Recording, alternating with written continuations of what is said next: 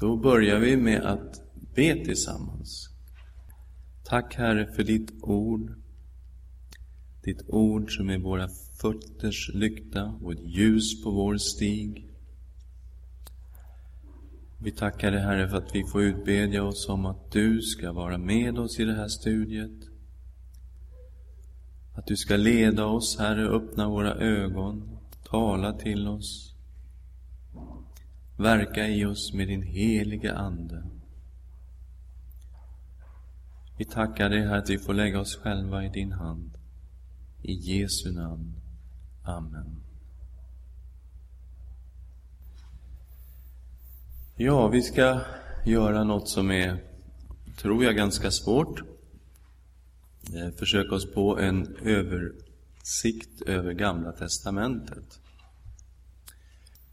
Ofta läser vi ju väldigt mycket nya och mycket mindre i Gamla Testamentet. Och det är ju kanske inte så konstigt när vi tänker på att det gamla förbundet har uppfyllts i det nya förbundet i Jesus Kristus, att vi gör så. Men ibland så kanske vi inte riktigt ser hur viktigt Gamla Testamentet är. Och vi kanske inte tänker på att den bibel Jesus hade var Gamla Testamentet. Det nya fanns inte. Eh, I de första kristna församlingarna, den bibel de läste var ofta just Gamla Testamentet. Och när man tänker på att det var på det sättet att aposteln Paulus satt och läste de här bokrullarna och sen gick han ut och predikade om Jesus, så får man också Nya Testamentet i ett nytt ljus. Förstår att det Nya Testamentet är en uppfyllelse av det Gud har sagt i det gamla. Den kristna tron är ju också baserad på en progressiv uppenbarelse. Det är inte så att det nya på något sätt har ersatt Gamla testamentet. Utan Gud lägger en grund i Moseböckerna. Och på den grunden så byggs sen hela uppenbarelsen. Och den kommer steg för steg, uppenbarelsen. Till slut så kommer Kristus och huset är färdigt, men allting står på exakt samma grund. Det är ingenting som ersätter det andra så att det blir oviktigt eller inte längre Guds ord eller någonting sånt. Så vi talar om en progressiv uppenbarelse när vi läser Bibeln. Och eh, idag ska vi då titta på inledningen till Gamla Testamentet. Har alla fått sådana här papper? Det här är ett arbete som jag gjorde 2005. Ett försök att få in hela Gamla Testamentet på ett A4. Det är en utmaning, ska jag säga. Men det är tanken med det här att man ska kunna få en överblick över hela Gamla Testamentet. Som ni ser på det här pappret så har jag då en inledning. Och sen har jag valt att dela in resten i olika scener. Scen 1 till 9. Och det är lite grann så vi kommer att gå igenom eh, det här pappret. Jag har tänkt mig tio gånger för att gå igenom Gamla Testamentet. Och anledningen att jag gjorde det här pappret var att jag fick en utmaning av Ljus i Öster att åka till Uzbekistan och på några korta dagar ha en översiktskurs över Gamla Testamentet.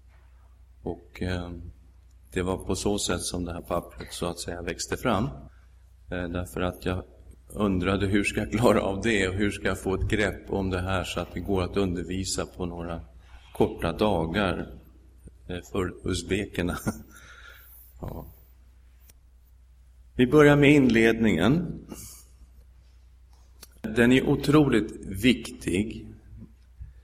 Det är ju en del av Bibeln som betraktas av många som rena sagor. Men den är fantastiskt viktig för att förstå hela Bibelns budskap. Det är här vi möter Gud skaparen. Det är här vi ser att universum inte har blivit till av sig självt, utan det finns en som har skapat.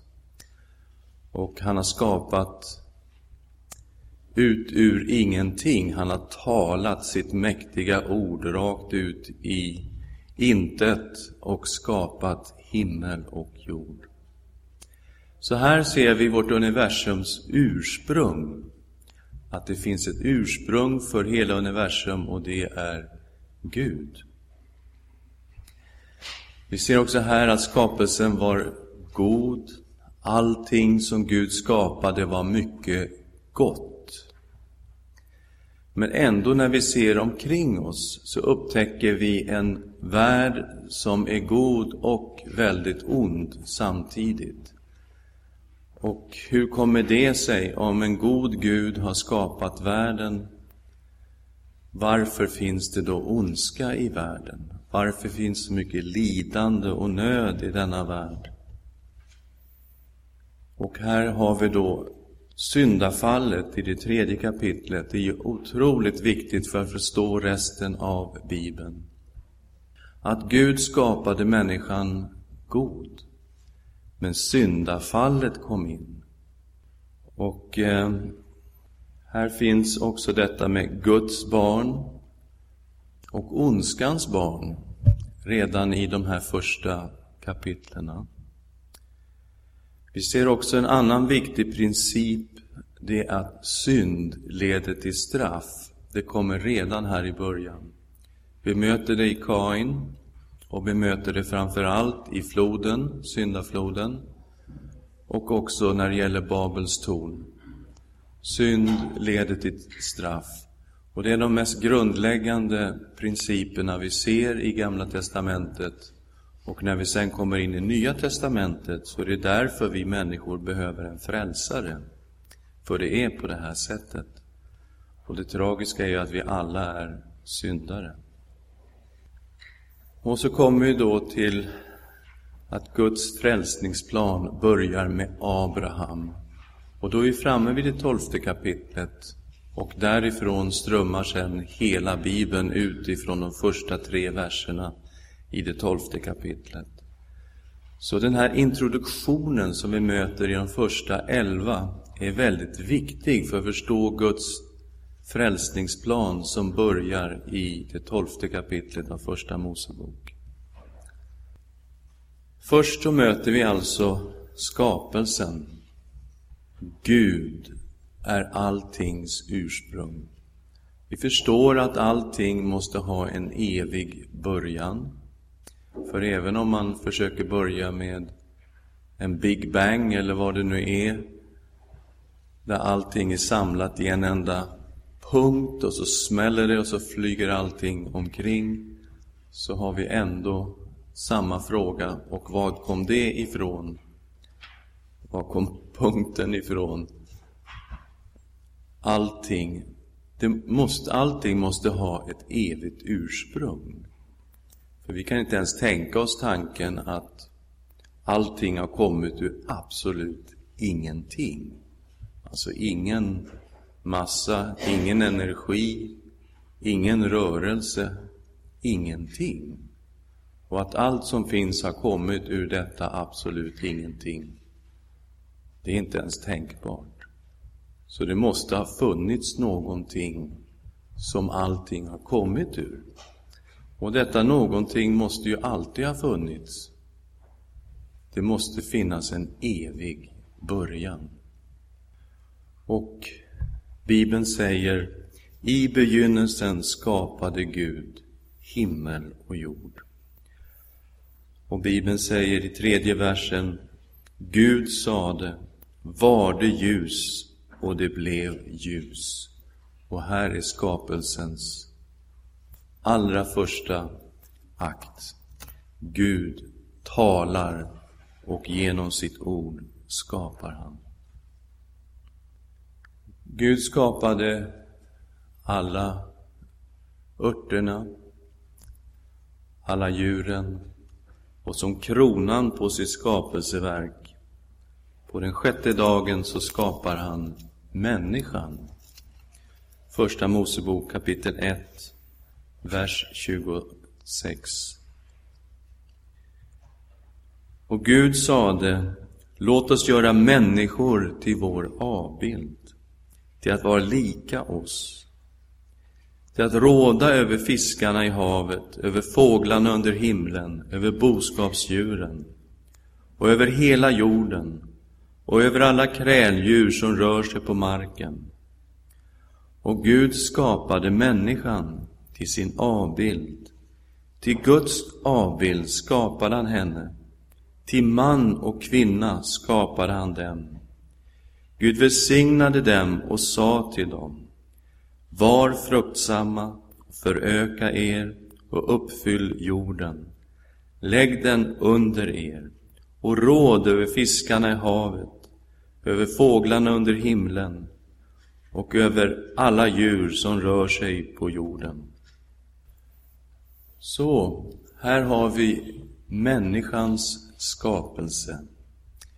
Olik alla andra varelser som Gud har skapat, därför att det var människan som Gud skapade till sin avbild.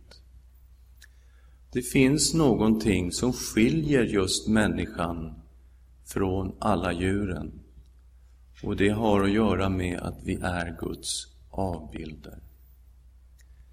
Människan är en person, en individ. Det finns ett jag, ett medvetande. Människan kan fatta fria val.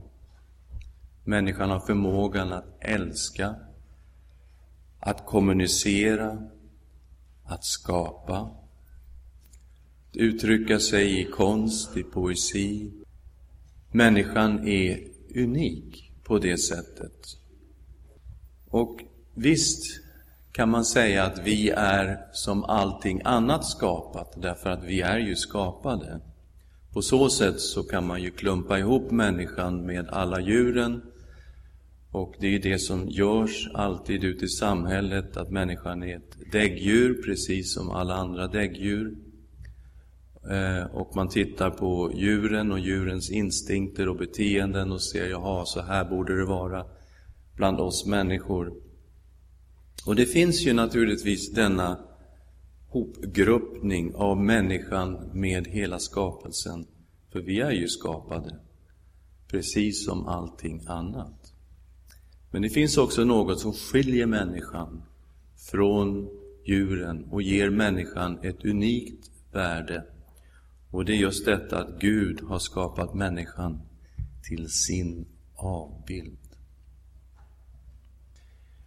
Man kan säga att Gud gör ett förbund med människan. Han säger till henne att hon ska uppfylla hela jorden och vara fruktsam och ska råda över skapelsen. Och här finns det ju en viktig sak som är väldigt aktuell idag när vi talar om miljödebatten. Att den kristna tron lägger en bra grund för oss att ta hand om vår miljö och ta hand om den skapelse som Gud har skapat. Därför att Gud har satt oss till att råda över jorden, till att ta hand om den här jorden. Så vi har ett ansvar, givet av Gud, till människan att ta hand om skapelsen.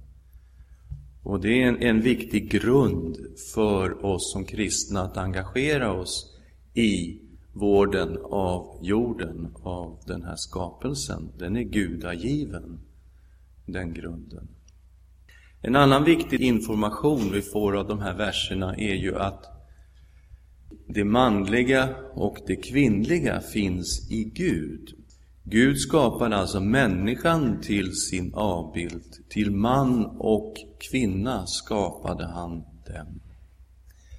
Och Det betyder att mannen kan inte i sig själv representera Guds avbild och kvinnan kan inte göra det heller, men det är man och kvinna som är Guds avbild.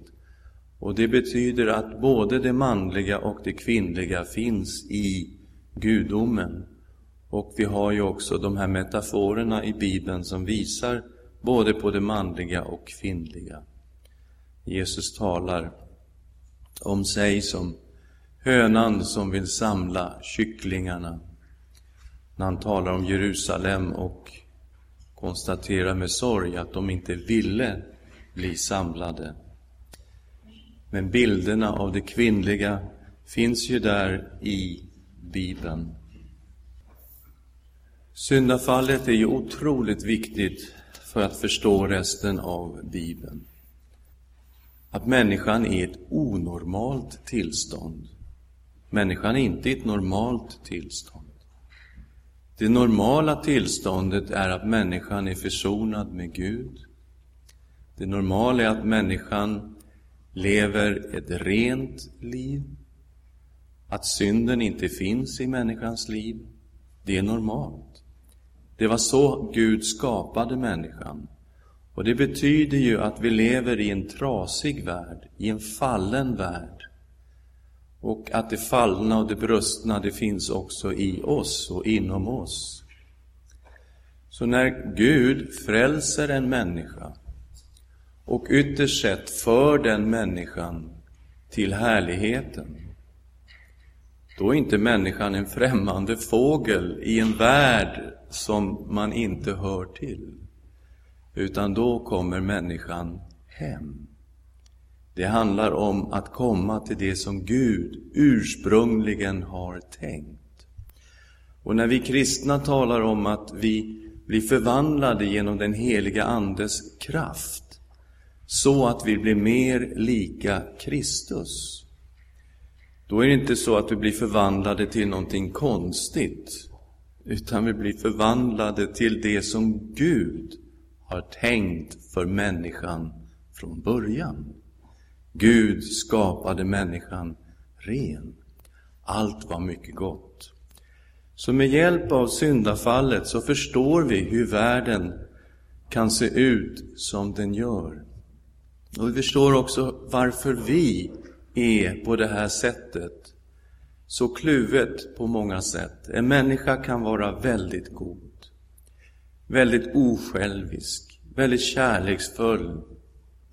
Men samma människa kan i nästa ögonblick uppfyllas av vrede, hat, själviskhet, egoism, andra saker som Bibeln betecknar som synd.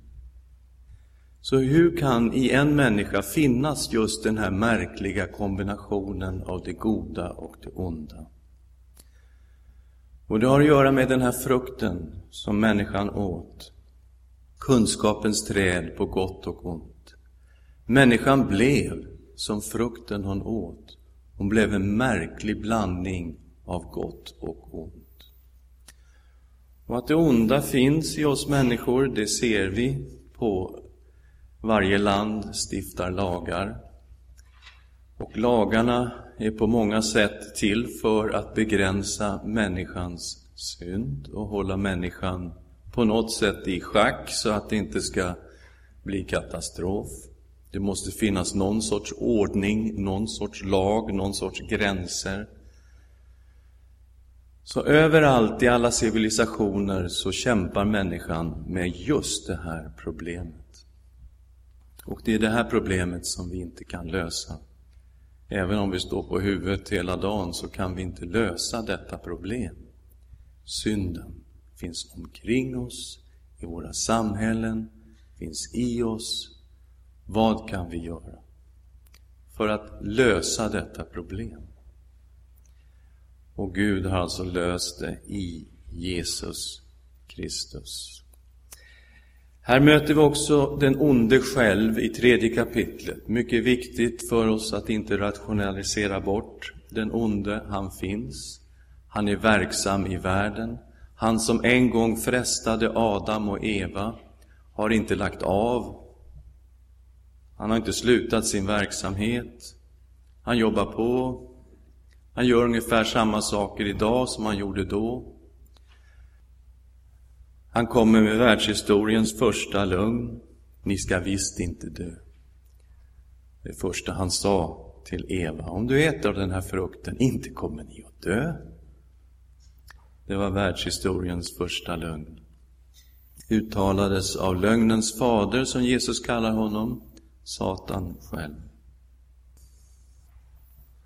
Konsekvenserna av synden var ju oerhörda.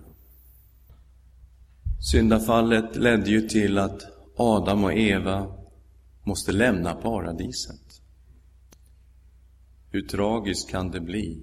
En plats där det rådde fullständig shalom.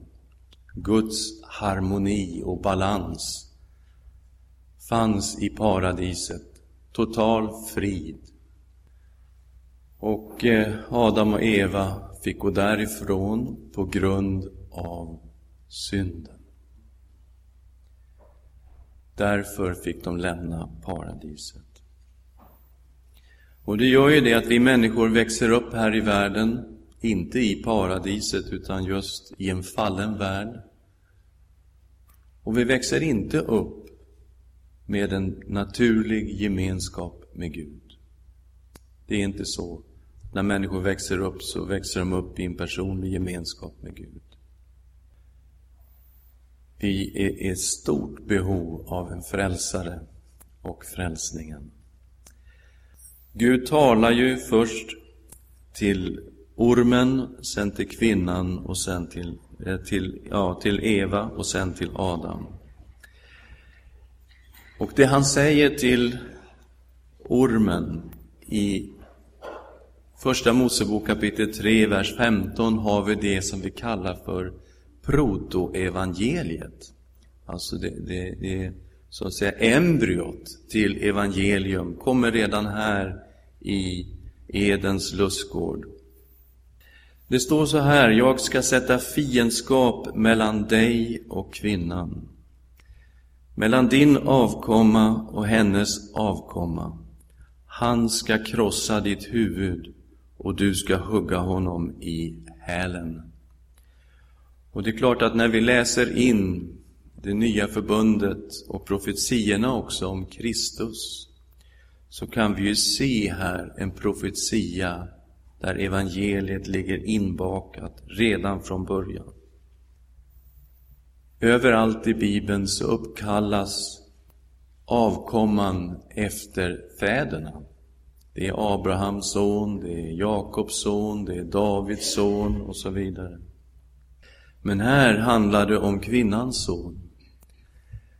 Det är alltså en som inte har någon pappa som ska krossa ormens huvud.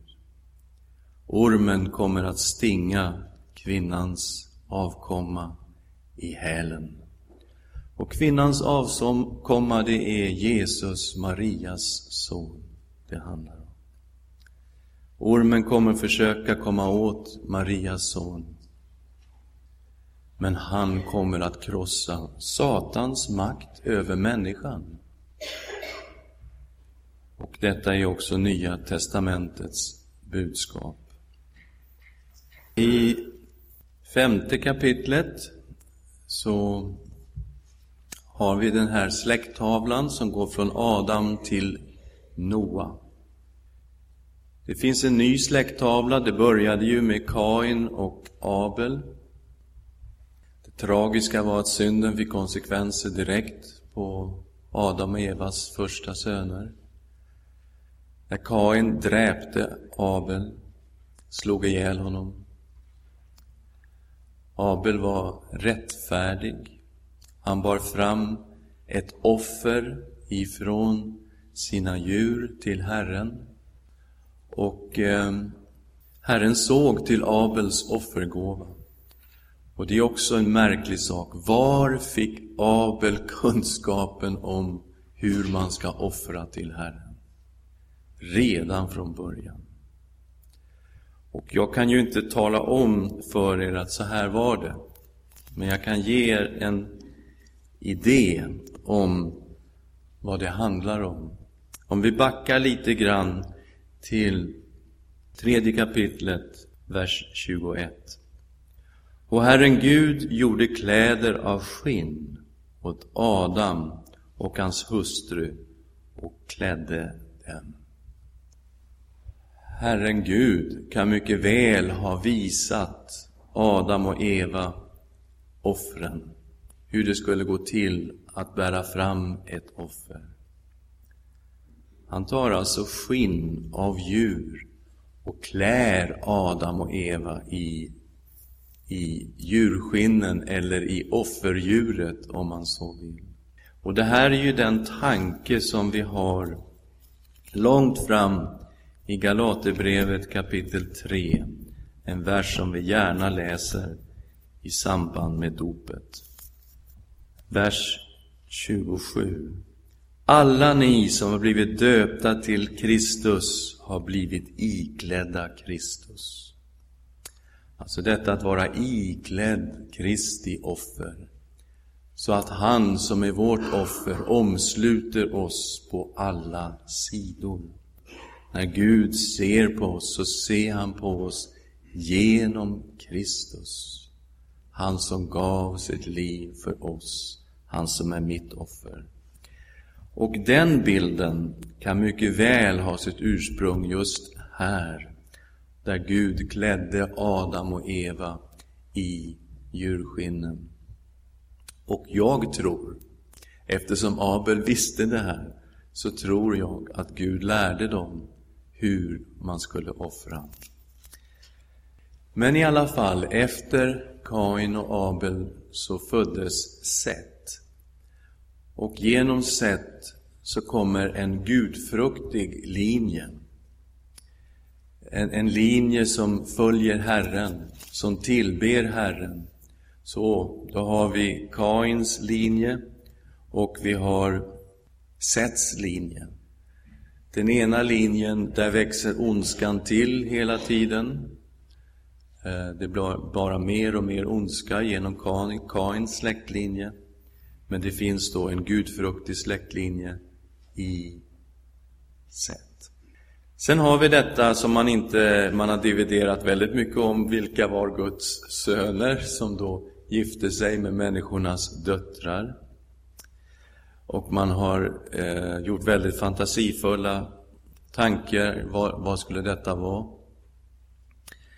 Eh, jag tror att det helt enkelt handlar om den gudfruktiga släktlinjen genom sätt som gifte sig med den släktlinje som kommer genom Kain. Och på så sätt så breder ondskan ut sig. Och vi kommer då fram till Noa och visar sig att det finns bara en enda familj kvar som är gudfruktig när vi kommer till Noa. Ondskan har tagit över hela mänskligheten och Guds dom ska gå över världen. Och syndafloden är ju en fullständig dom över världen. Vi läser om den då i sjätte till åttonde kapitlet. Den gäller alla människor. Den gäller alla djur. Den gäller hela världen. Och när Jesus talar om att han ska komma tillbaka så säger han att då ska det också gå en dom över världen som är likadan som den som var i Noas dagar. Så den här, eh, det som hände här i sjätte till åttonde kapitlet av Första Mosebok, det är någonting som Nya Testamentet går tillbaka till. Jesus gick tillbaks till det. Petrus använde det på ett väldigt starkt sätt i sina brev. Det kan ju betraktas som sagor av vissa människor, men Bibeln behandlar det här som ett historiskt faktum, något som hände i världshistorien. Det står här om att det började regna. I 40 dygn regnade det. Och det står om djupens källor som vällde fram. Man tänker sig då stora geologiska omvälvningar eh, vulkanutbrott, man tänker sig eh, jordbävningar och stora förändringar så att säga som gör att vattnet beter sig på det här sättet. Det handlar om Guds dom över en värld som har vänt Gud ryggen och där ondskan var så utbredd som den någonsin kunde tänkas vara. Noa är ju i Hebreerbrevet 11 framställd som en, ett exempel på tro. Han byggde alltså ett, en båt på torra land. Kan ni tänka er vilken galning detta skulle vara? Inte ens vid stranden utan någonstans uppe på land bygger en jättestor båt som är 150 meter lång. Ja, just det. Han fick nog höra både det ena och det andra under sin livstid. Och allt han kunde säga är, det kommer en dom över världen. Omvänd er, vänd er bort ifrån er synd, följ Herren. Och folk bara skrattade åt honom. Och vi tänker ibland på väckelsepredikanter som predikar och det är väldigt få som blir frälsta. Och då tänker jag på Noa. Alltså han, han såg inte mycket frukt.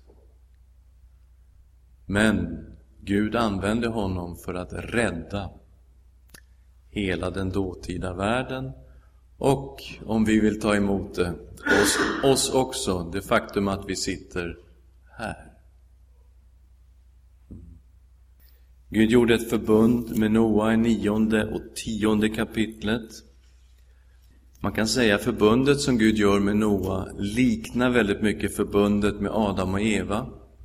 Att de ska vara fruktsamma, föröka sig och uppfylla jorden. Men också att de får inte döda. Och för ett eget blod som har er själ i sig, det här är 9 och 5, ska jag kräva räkenskap. Jag ska utkräva det av alla djur, likaså av människorna. Av var och en som dödar sin broder ska jag utkräva den människans liv. Så det finns i det här eh, också ett skydd för människolivet. Att man inte fick döda andra människor. Ja, vi kommer till Babels torn. Vi är uppe i det elfte kapitlet av Första Mosebok.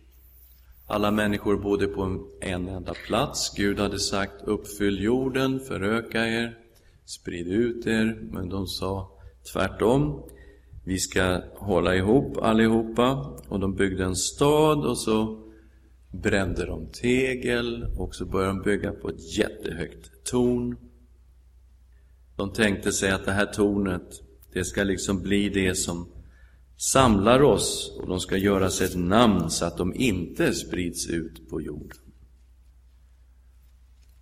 Och här kommer det märkliga då att Gud stiger ner och gör språkförbistring. Och konsekvenserna av språkförbistringen har vi här mitt i Husbykyrkan. Amir sitter där nere och tolkar.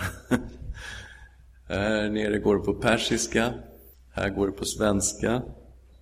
Det är intressant det här med språken och språkforskning, att det skulle haft en gång då ett gemensamt språk. Och språkforskning är något som pågår. Ni vet att man har lyckats reducera alla språken till språkfamiljer och det är faktiskt inte så väldigt många språkfamiljer det rör sig om när man går ner till botten var allting kommer ifrån. Eh, och persiskan är på det sättet släkt med svenskan från den indoeuropeiska språkgruppen. Medan arabiskan, som jag fick slita med i 13 år, inte alls har med den familjen att göra i ett semitiskt språk en helt annan språkfamilj. Men man kan så att säga gruppa ihop språken genom språkforskningen och se, ja men det finns ju gemensamma rötter någonstans. Och då blir det inte så många familjer kvar att jobba med. Och Herren Gud så att säga steg ner och skapade då denna språkförbistring som ledde till att det han hade sagt till Adam och Eva och till Noa, att människan spred ut sig över jorden, precis så som han hade menat. Det står jobb här, ser ni, och ett frågetecken. Vi vet ju inte när vi ska placera Jobs bok. Det finns liksom inga historiska händelser att knyta upp Jobs bok på. Men att det rör sig om patriarktiden eller före kring Abraham, före Abraham, det kan man ana av det man läser i boken. Varför inte? Kan det, vara, det kan vara den äldsta boken i Bibeln vi talar om. Därför att allt det som vi har läst nu är ju muntligt traderat från generation till generation och skrivs ner i, i, i Mose tid. Så att det är ju alltså en muntlig tradition som har att göra med när vi arbetar med Första Mosebok. Första Mosebok fanns inte som en bok i Abrahams tid. Så är det inte, utan det är en muntlig tradition.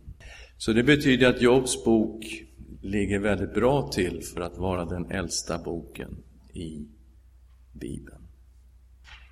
Och så kommer vi då till introduktionen av Abraham och det är sista delen av elfte kapitlet. Det handlar om Abrahams släkt. Var kommer han ifrån?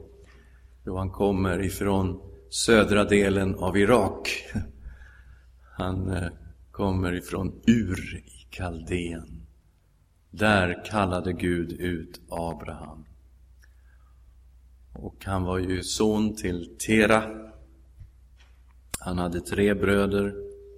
Och det är intressant att se traditionerna här är ju mycket speciella. Man gifte sig inom den nära familjen. Sarai var ju Abrahams halvsyster. Och eh, så pågick det. Och det ser man ju när man sen kommer vidare in i Första Mosebok. Att den här traditionen som Abraham kommer ifrån den går ju vidare inom familjen ganska länge. Och än idag är ju kusingifte mycket vanligt i Mellanöstern. I Egypten där vi levde i 13 år var det mycket vanligt att möta kusiner som har gift sig med varandra. Och ni som är ifrån den här kulturen, ni vet att det är fortfarande mycket vanligt än idag med kusingifte. Ja, har vi några frågor på det här? Ja, visst Jenny.